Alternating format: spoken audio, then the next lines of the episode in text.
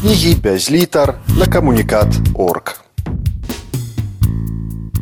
доктор юры грыбоўскі. Беларусы ў варшаве ў час нямецкай акупацыі.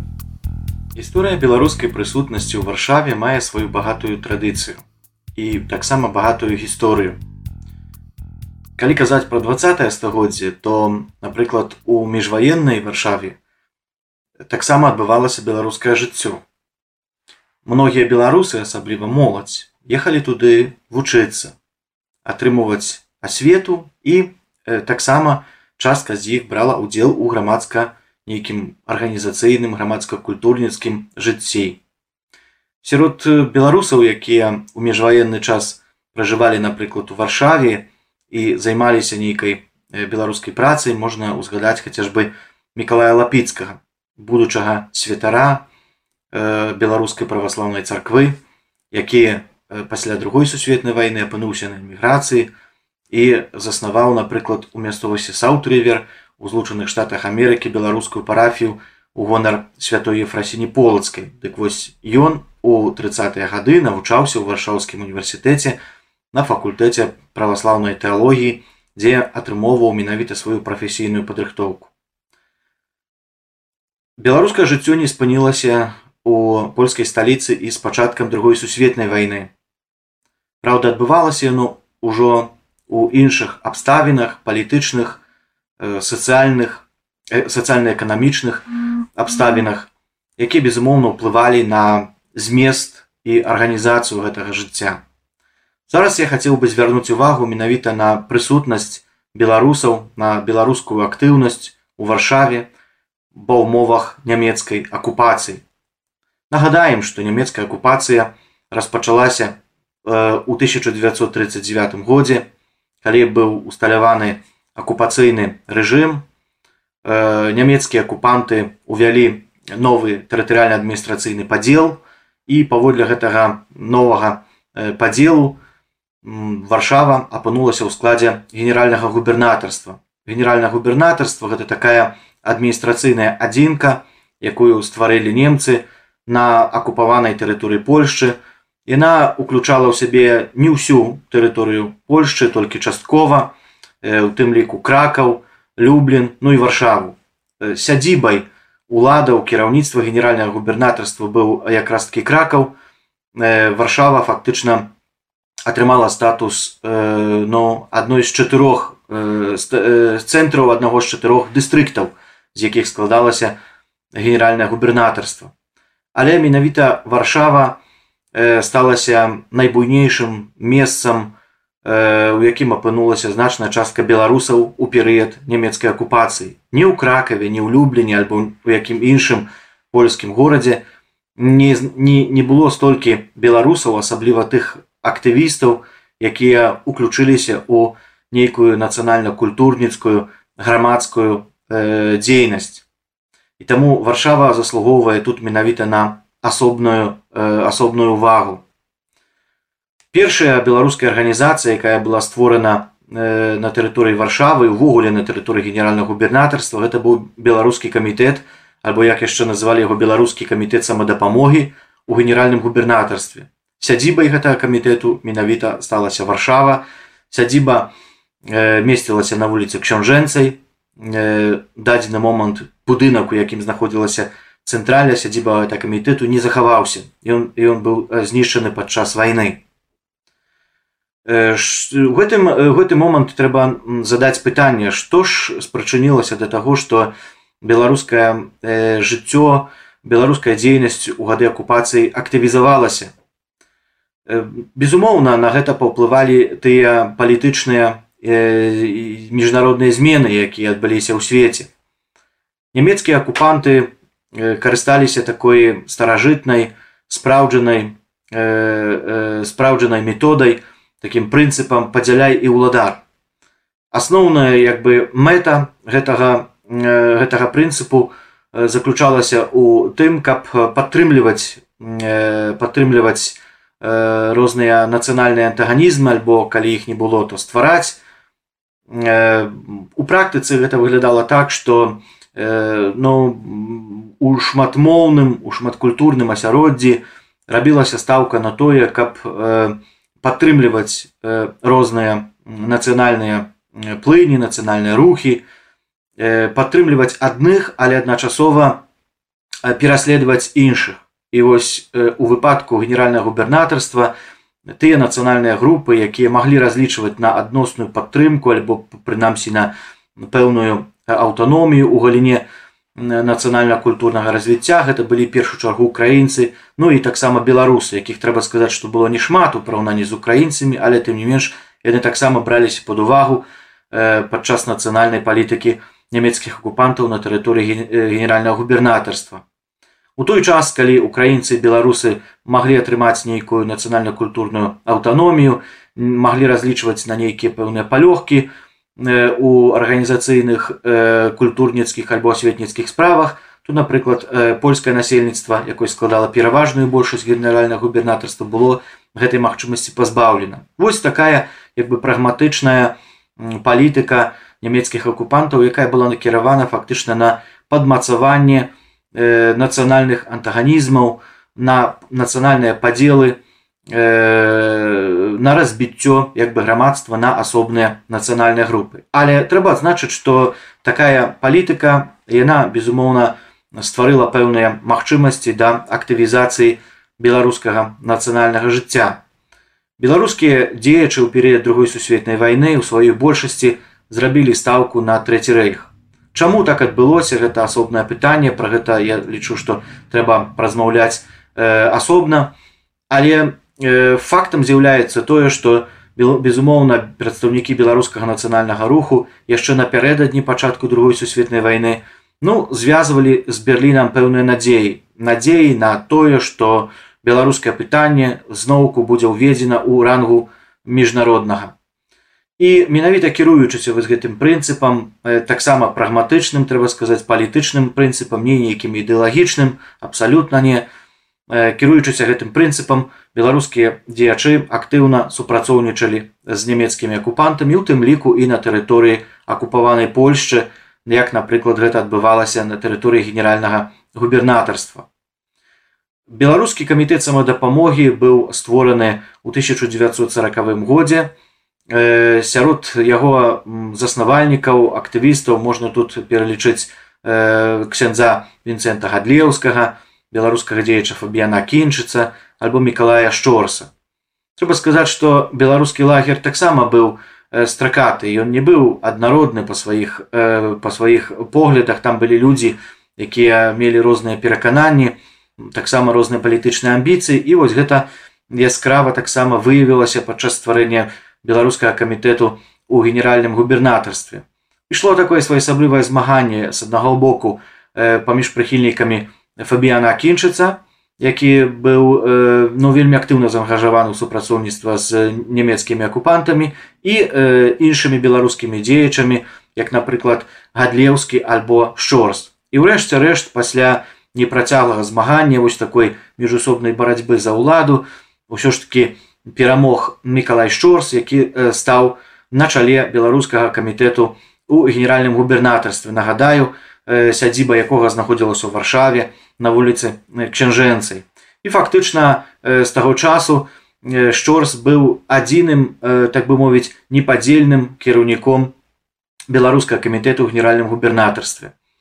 Чым у чым заключалася роля гэтага камітэту? Ну ён выконваў ролю такога э, цэнтру, які каардынаваў дзейнасць нацыянальную культурніцкую працу беларусаў якія паволі лёсу апынуліся на тэрыторыі генеральнага губернатарства. Трэба значыць што абсалютная большасць гэтых беларусаў якія пражывалі на тэрыторыі генеральнага губернатарства яны знаходзіліся менавіта ў польскай сталіцы. І таму не павінна нас здзіўляць тое што менавіта варшава была тым сэрцам было тым рухавіком і было фактычна тым найвялікшым асяродкам беларускага жыцця ў перыяд нямецкай акупацыі. Таму ўсё як бы было засяроджана вакол вось гэтага камітэта на чале з э, міколам шчорсам. Шчорс быў маладым, вельмі энергічным, трэба сказаць чалавекам, вельмі амбітным чалавекам. Э, Напердадні вайны ён увогуле меў вялікія амбіцыі, там таксама разлічываў на тое, што калі немцы дазволяць беларусам стварыць хоць нейкую маранеткавую дзяржаву, то ён ста, стане на яе чале. Ну ягоныя мары не спраўдзіліся гэта была злуда але з іншага боку як бы трэба памятаць што шторс сапраўды быў вельмі вельмі актыўным вельмі добра добра падрыхтаваным таксама арганізацыйным сэнсе чалавекам. Чалавекам таксама даволі заможным паколькі ён меў медычную асвету быў лекарам меў практыку у тым ліку варшаве лекарскую што дазваляла яму як бы вось уплываць на падзеі уплываць таксама на тых суродзічаў якія апынуліся у варшаве. Беларускі камітэт быў адзінай грамадскай арганізацыі якая прадстаўляла інтарэсы беларускага жыхарства на тэрыторыі генеральнага губернатарства. Таму туды звярталіся людзі ў самых розных пытаннях. Калі нешта патрэбна было вырашыць то фактычна вось беларускі камітэт які месціўся ў варшаве ну з'яўляўся такім пасярэднікам паміж акупантамі з аднаго боку акупацыйнымі ўладамі і звычайнымі людзьмі якія там нешта хацелі вырашыць нечага хацелі дамагчыся. Напрыклад туды звярталіся э, сваякі родныя ваеннапалонных беларусаў якія апынуліся ў нямецкім палоне іх патрэбна было вызваліць.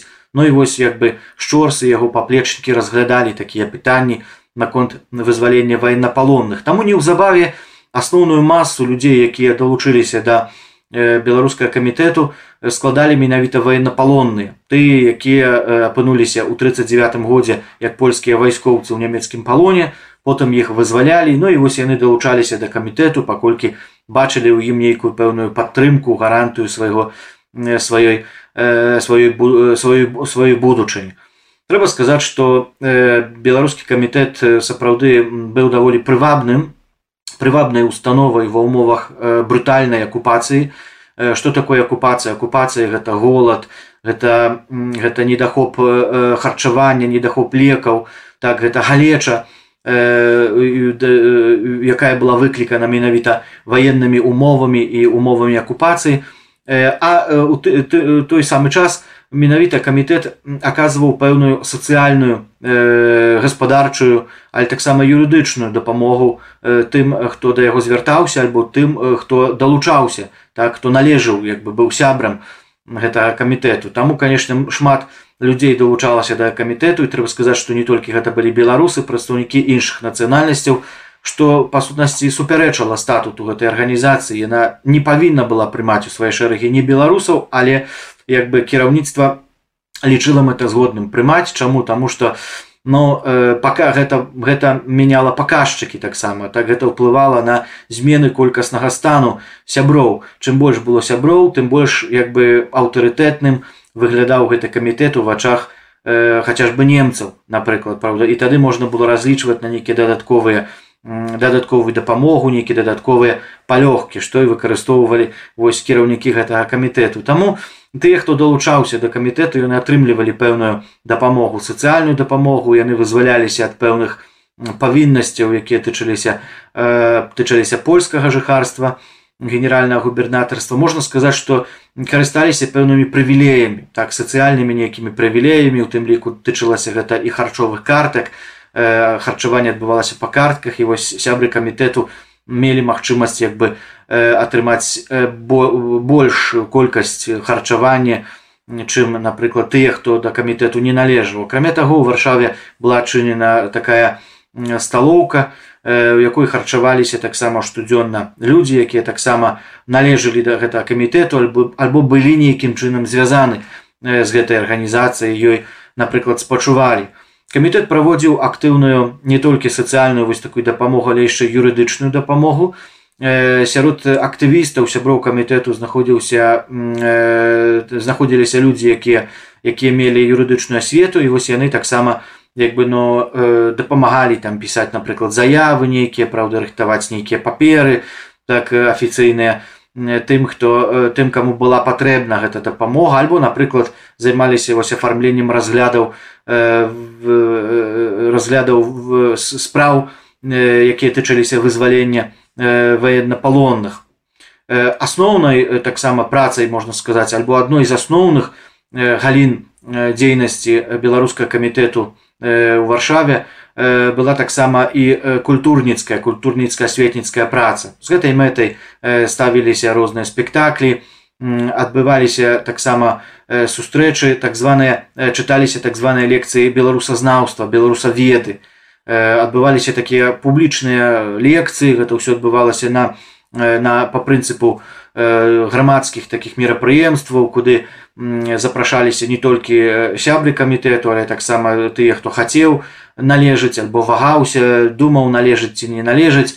Ну так вось для гэтай катэгорыі людзей адбываліся курсы беларусазнаўства чыталіся лекцыі сярод лектараў тых якія прыязджалі ў варшаву адмыслова дзеля таго каб прачытаць нейкую лекцыю. Быў напрыклад той жа вінцэнт гадлеўскі ксёнз альбо таксама янка станкевич вядомы мовазнаўца які чытаў вось таксама лекцыі якія тычыліся гісторыі гісторыі краіны народу але таксама гісторыі і мовы так беларускай Вось адбываліся такія адкрытыя мерапрыемствы Ну і трэба сказаць, што яны карысталіся адноснай адноснай папулярнасцю сярод беларусаў, якія пражывалі ў варшаве.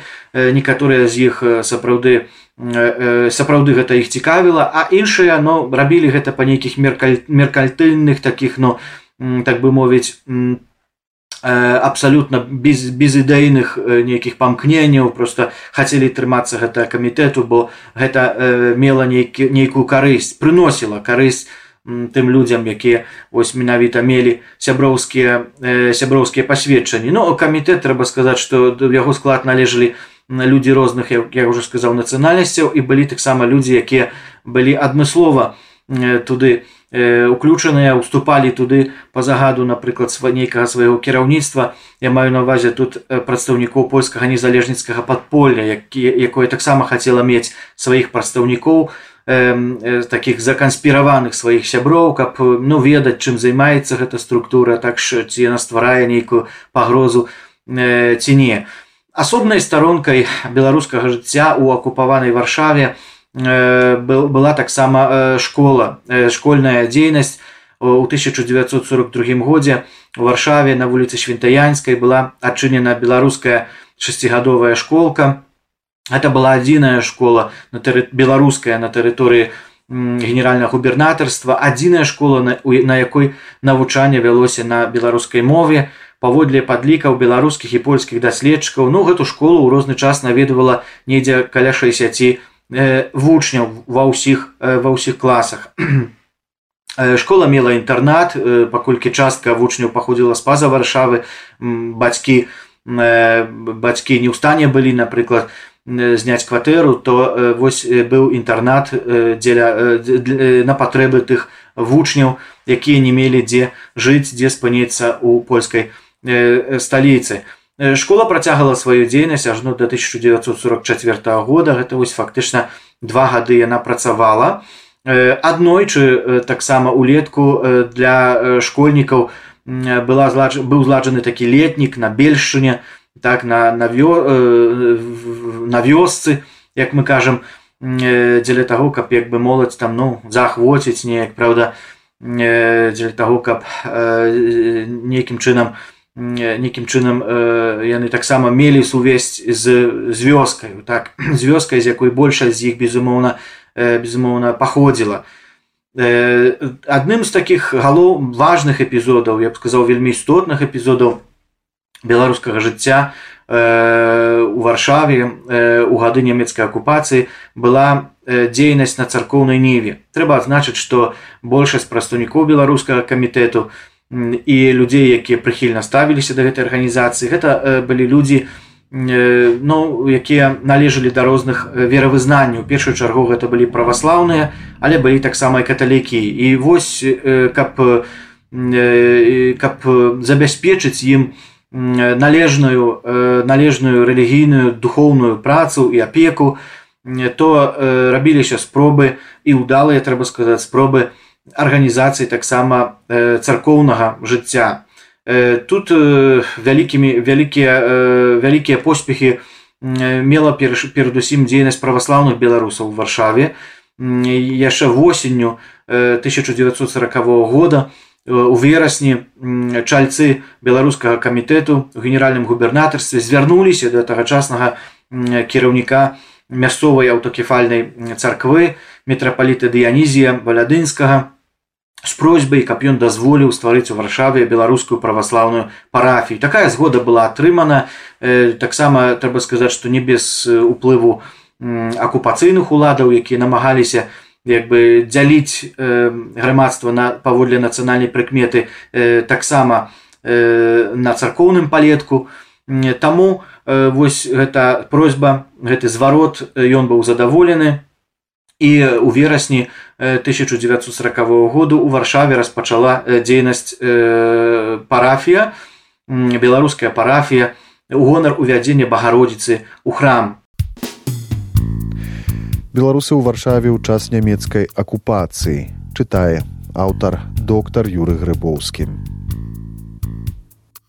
Сядзібаю так бы мовіць гэтай парафіі. Месцам дзе адпраўляліся набажэнствы была вуліца парыская на саскай кэмпе у неблагім месцы і фактычна ў будынку праваслаўнай духоўнай семінарыі і там менавіта адбываліся набажэнствы для вернікаў беларусаў што трэба адзначыць што першым як бы святаром які апекаваўся гэтай парафіі быў філафей нарко айцец філафей нарко які пазней стане епіскапам які быў высвечаны на епіскапа. Ну і лёс яго склаўся так э, даволі цікава ён пасля вайны апынуўся на на эміграцыі э, але гэта ўжо безумоўна іншая іншая гісторыя дык вось нарко э, вядомы быў тым што ён стаў першым святаром але не адзіным і не апошнім паколькі у 40 41 годзе ўлетку ён быў вымушаны паехаць на бацькаўшчыну. Яго месца занялі іншыя святары. Яны не мяняліся нейкі час увогуле беларуская парафія не мела сталага такога святара абслугоўвалася рознымі святарамі. І у рэшты рэшт быў канчаткова прызначаны святаром тодар барэцкі гэта ён быў не быў беларусам па па паходжанні айцец тодар быў украінцам але ну аддана служыў таксама і беларускім вернікам адпраўляючы сярод іх набажэнствы Ну чым займалася вось гэта парафія? Безумоўна перша першасную ролю э, было было духоўнае э, як бы дух, было было заспакаенне духоўных патрэбаў беларускіх вернікаў у варшаве. І таму штонядзелю адбываліся набажэнствы была ладжана імша.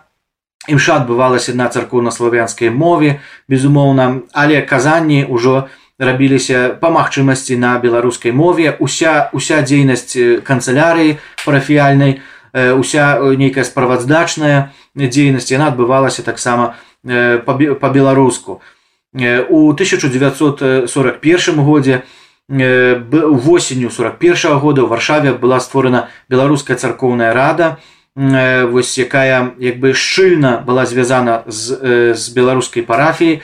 Заданнем у беларускай царкоўнай рады быў пераклад літургічных тэкстаў літургічнай літаратуры царкоўна-славянскай мовы на мову беларускую.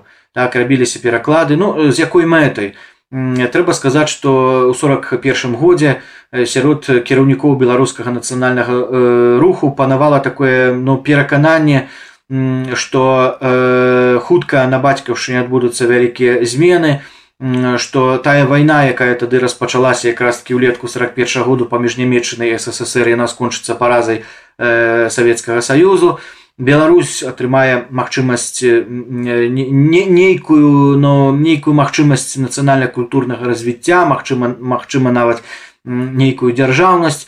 І стаўка рабілася на тое што беларускі народ беларускаму народу будзе патрэбна таксама і незалежная беларуская праваслаўная царква. Вось з гэтай мэтай рабіліся захады э, дзеля таго каб немцы дазволілі высвеціць некаторых беларускіх святыроў на епіскапаў. І сапраўды гэта адбылося. Той жа нарко як мы ўжо ўзгадалі быў высвечаны на епіскапа. Ну і таксама беларускія праваслаўныя дзеячы усведамлялі сабе патрэбу э, мець э, літаратуру адпаведную так? Э, літаратуру у літургічную якая б дазволіла з цягам часу беларусы беларусізаваць беларускае царкоўнае жыццё. І вось менавіта гэта задача перакладу падрыхтоўкі адпаведных тэкстаў адпаведнай літаратуры была ўскладзена на беларускую царкоўную раду. Пра роўна праз год восенню 1942 года у жыцці праваслаўных беларусаў у варшаве адбылася яшчэ адна цікавая змена тады было створана беларускае праваслаўнае братства у гонар святого юрія. Трэба сказаць што гэта была адзіная светская арганізацыя беларуская якая існавала ў праваслаўнай царкве падчас другой сусветнай вайны. Так адзінае праваслаўнае братства беларускае якое было створана не было іншых братстваў таких адпаведнікаў нават на тэрыторыі акупаванай беларусі вось рабіліся такія захады і шчыра кажучы варшаўскае братства вось братства святого юрія но таксама было створана не выпадкова. Беларускі мясцовы актыў э, разлічваў на тое што варшава станецца такім як бы ну э, духоўным цэнтрам так бы мовіць з якога потым будзе распаўсюджвацца вось гэта э, гэта ідэалогія гэтыя думкі пра беларусізацыю беларускай царквы на беларусі вось і э, рабілася як бы стаўка на тое што варшаўскі асяродак праваслаўны які быў даволі актыўны так і даволі шматлікі ён павінен быў падрыхтаваць грунт для беларусізацыі на, на, на, на беларусі так. І вось гэта беларускае царкоўнае братства святого юрія яно таксама праводзіла актыўную харытатыўную дзейнасць дабрачынную рабі праводзіла таксама дзейнасць асветную сярод сваіх сяброў сярод вернікаў праваслаўнага веравызнання але таксама і праводзіла выдавецкую дзейнасць што было вельмі вельмі важна на патрэбы на гэтага братства э, э, быў забяспечаны доступ да метрапалітарнай друкарні і вось дзякуючы намаганню сяброў братства ў 1942 годзе а таксама на працягу 1943 года было было выдадзена некалькі выданняў такога рэлігійнага зместу. Гэту першую чаргу тут трэба згадаць беларускі праваслаўны малітвеннік беларускі малітваслоў на 1942 год і таксама беларускі праваслаўны патэрык вось гэта фактычна тры выданні якія пабачылі свет на працягу 42 і 43 года якія актыўна распаўсюджваліся сярод беларускіх вернікаў праваслаўнага веравызнання і якія мелі менавіта служыць справе беларусізацыі беларусізацыі і вернікаў але таксама і святароў. Напрыклад беларускі праваслаўны малітвеннік ён утрымліваў розныя малітвы самыя неабходныя у так штодзённыя якія ну гэта было такое выданне якое можна было насіць заўсёды мець пры сабе і калі ўзнікала патрэба надыходзіў час малітвы то э, каб можна было маліцца але менавіта на беларускай э, на беларускай мове.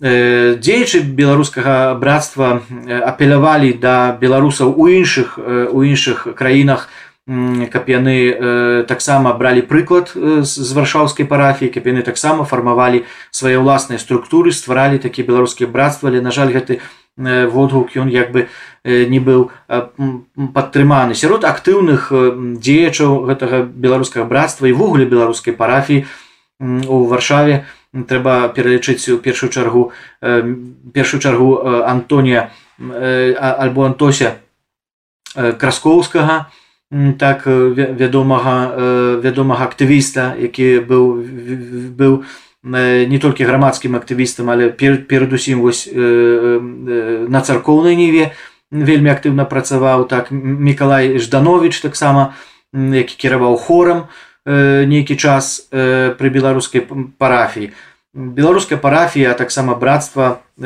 святого юрія утрымлівала пэўныя сувязі у з прадстаўнікамі іншых праваслаўных церкваў і альбо прадстаўнікамі іншых нацыянальнасцяў якія вызнавалі праваслаўе.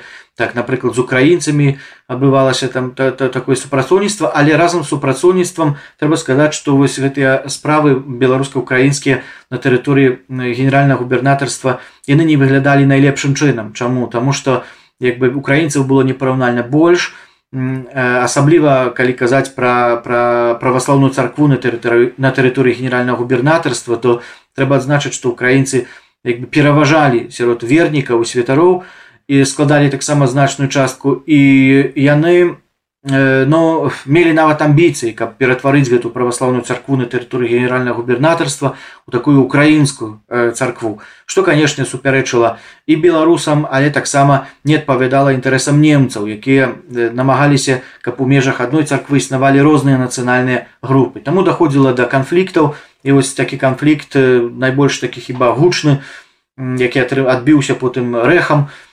грамадстве ён адбыўся ў 1940 годзе на тэрыторыі паўднёвага падляша і украінцы і беларусы і украінскі камітэт самадапамогі які існаваў таксама і таксама беларускі камітэт самадапамогі но вялі актыўную дзейнасць дзейнасць сярод жыхароў сярод праваслаўных жыхароў на тэрыторыі падляша паўднёвага падляша хачу адзначыць і змаганне ішло фактычна змаганне вось за душу і сэрцы гэтых гэтых несвядомых яшчэ ў нацыянальным сэнсе сялянаў.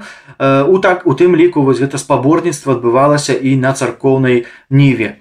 Беларусы спрабавалі стварыць там некалькі беларускіх парафіяў беларусізаваць там мясцовую царкву але э, супраць гэтага адкрыта выступалі дзеячы беларускага дзеячы украінскага камітэту а асабліва таксама святары якія спачувалі украінскаму камітэту альбо былі звязаны вельмі шчыльна з украінскім камітэтам у генеральным губернатарстве вось напрыклад уладыка іларыён ахатэнка які на той час быў епіскапам холмскім ён ну адкрыта выступаў супраць беларускай царкоўнай акцыі лічыў яе деструктыўнай недапушчальнай казаў што нічога супраць не мае існавання беларускай парафіі напрыклад у варшаве але ўжо на тэрыторыі паўднёвага падляша ён так э, не бачыў патрэбы ствары ствараць такіх беларускіх э, царкоўных структур.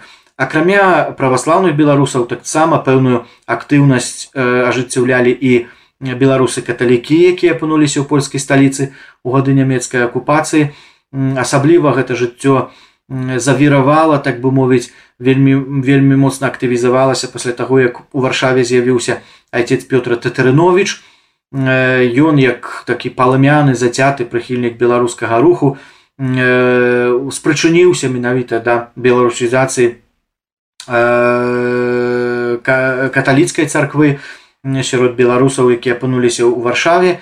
І дзякуючы яго намаганням была створана такая ну парафія беларуская каталіцкая парафія ў 42 годзе яна была не шматлікая але тым не менш дзейнічала. Набажэнствы для беларусаў каталікоў першапачаткова адбываліся у старым горадзе у самым самым цэнтры у э, касцёле святого марціна на вуліцы піўнай.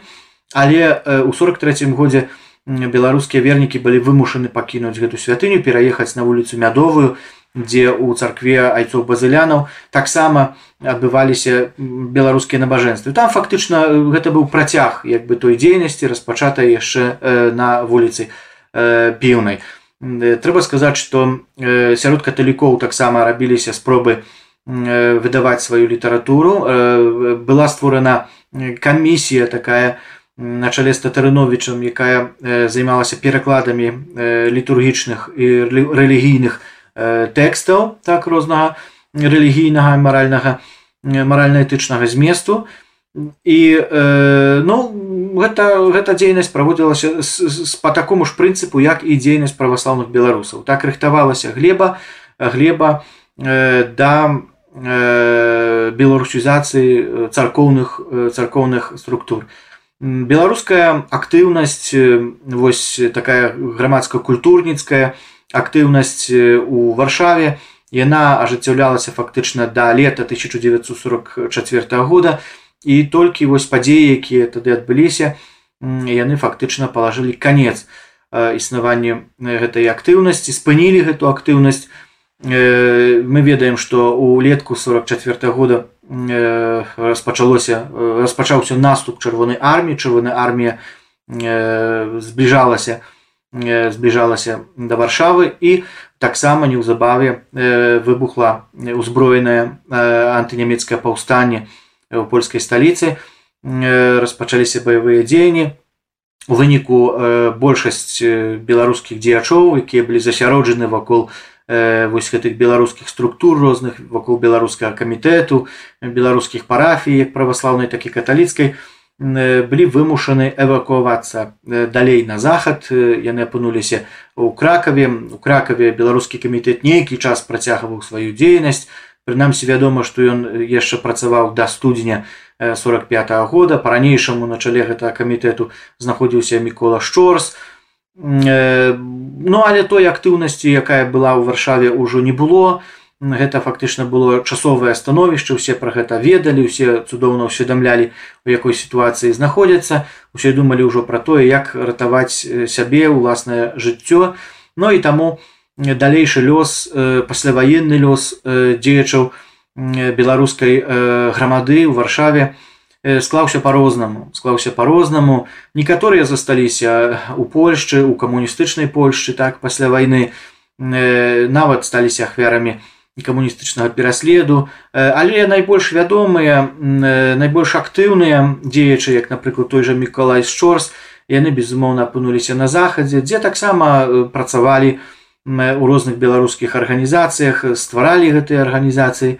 Вось, і працягвалі гэтую сваю актыўнасць якой яны займаліся і і дасюль. А лёс яш лёс іншых лёс шмат было таксама тых чый лёс нам цяжка нават зараз высветліць. Так невядома як ён склаўся Мачыма што ён склаўся трагічна. Вось гэта гісторыя беларускай так бы мовіць варшавы у акупаванай варшавы так акупаванай немцамі варшавы. Яна працягвае час не даследавалася не была прадметам даследчыцкай увагі але дзякуючы таму што захаваліся шматлікія архіўныя матэрыялы то мы можам з пэўнай дакладнасцю ну як бы узнавіць тыя падзеі з пэўнай дакладнасцю, іх прасачыць так і зараз дзякуючы гэтаму ведаем што у той час адбывалася у польскай сталіцы беларусы ў варшаве ў час нямецкай акупацыі чытаў доктар юры грыбоўскі. Кнігі без літар на камунікат орг